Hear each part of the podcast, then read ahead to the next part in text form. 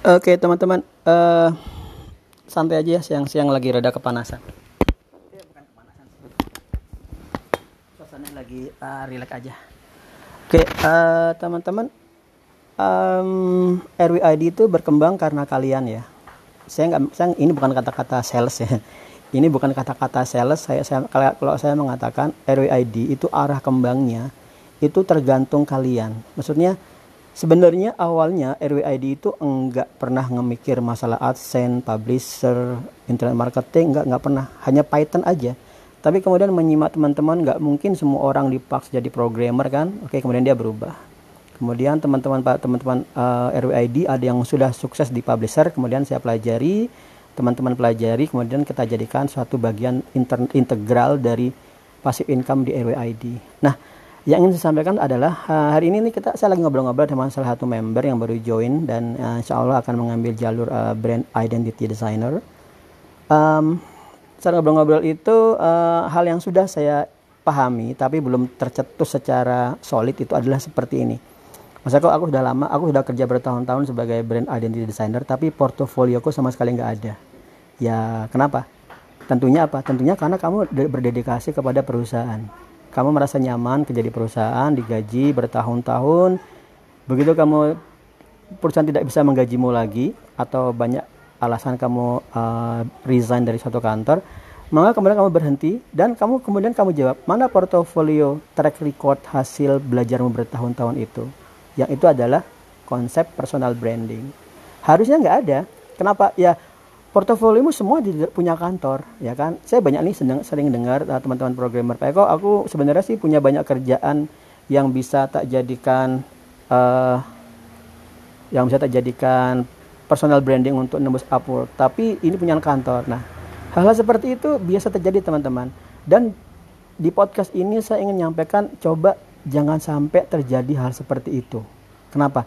Sayang sekali.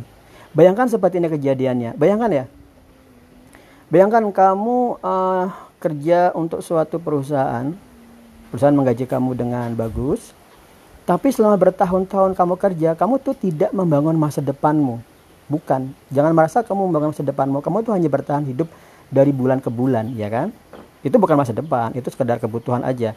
Yang dimaksud masa depan adalah kalau kamu bisa survive tanpa kantor, itu baru namanya membangun masa depan.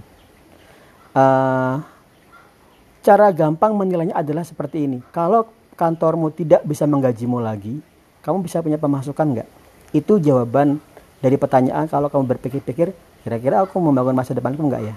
Nah, kalau kamu menjawabnya, oh Pak Eko nggak bisa nih, kalau kantornya nggak gaji saya, saya nggak punya pendapatan. Maka itu artinya kamu selama bertahun-tahun kerja di perusahaan tersebut, kamu tidak membangun masa depanmu. Sama sekali. Kamu membangun masa depan kantor. Kantornya semakin growth, uh, eh, CEO semakin kaya, pemodal semakin kaya, tapi kamu ya gaji, ya kan?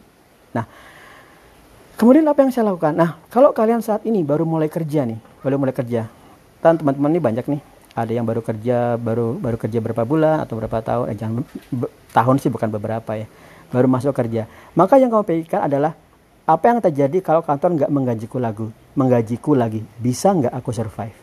Nih, dengan cara berpikir seperti ini, maka saat kamu bekerja di kantor mana pun, mana pun itu, maka siapkan juga personal brandingmu agar kamu dikenal tidak hanya sebagai karyawan kantor itu atau malah nggak dikenal sebagai gak, malah nggak dikenal ya pokoknya karyawan aja. Tapi kamu dikenal sebagai sosok yang punya skill dan itu nggak ada sama kantor. Uh, saya ngambil random ada kasus ya misalnya kamu programmer React JS kamu ngerjakan proyek-proyek internal. Kamu merasa puas nih bangga sudah menyelesaikan banyak proyek-proyek kantor. Tapi begitu pak kantor ada kejadian kamu harus resign terus eh mana ya hasil kerjaku yang bertahun-tahun itu? Nggak ada hilang. Kamu juga paling ada NDA nggak boleh nge-share ya kan? Secara etis nggak boleh lah kerjaan yang dibayar oleh perusahaan kamu bagi rat bagi bebas aja yang nggak boleh. Nah yang saya maksud adalah seperti ini. Yang kamu kirim yang kamu keep sebagai personal brandingmu itu adalah skillmu skillmu uh, harus kamu publikasi agar kamu dikenal sebagai seorang programmer React.js itu aja entah dengan medium, YouTube, Twitter, Instagram, domain pribadimu, itu harus kamu siapkan. Nah nanti kalau ini sudah terjadi, perusahaan nggak bisa menggajimu, that's fine, tidak masalah. Kamu tinggal either kamu hunting remote work atau either menggunakan personal brandingmu yang kamu bangun bertahun-tahun itu sebagai landasan untuk ke kantor yang lain atau membangun produkmu sendiri. Oke, jangan sampai seperti yang kejadian ya, wah masa maaf nih aku sudah 8 tahun kerja di perusahaan itu tapi pas, uh, uh, portofolionya punya perusahaan semua. Nah, itu sayang banget. Kamu berarti cuma diperah gajimu 8 tahun berarti 12 kali 8 kali berapa lah kali 8 juta misalnya. Ya udah yang kamu dapat cuma itu, tidak ada fondasi untuk masa depan.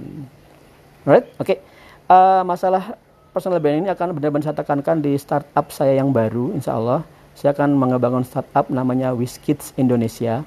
Mindsetnya adalah membangun personal branding untuk anak-anak kita yang kecil agar dia siap dengan pekerjaan remote work, pekerjaan ke luar negeri. Jangan didik anak kita dengan kata-kata, nak, le, do, uh, kamu nanti kerja pintar, lulus kuliah, lamar ke perusahaan ya. Jangan, jangan banget kalau ayah kita, mbah kita seperti itu boleh karena memang kan itu mindset lama. Tapi kalau mindset baru kita jangan seperti itu. Yang kamu tetapkan ke anakmu adalah lendo nak tingkatin skillmu dari sekarang, nikmati, kemudian dibimbing Pak Eko di Wiskit, promosi dikit, dibimbing Pak Eko di Wiskit agar kamu punya personal branding dikenal di internet sejak saat muda. Jadi nanti kalau sudah mau kuliah aja udah dapat coba-nya atau di uh, macam-macam lah. Uh, batasannya nggak ada karena masih muda. Oke, okay. ya uh, thank you guys. Uh, semoga bermanfaat. Bye.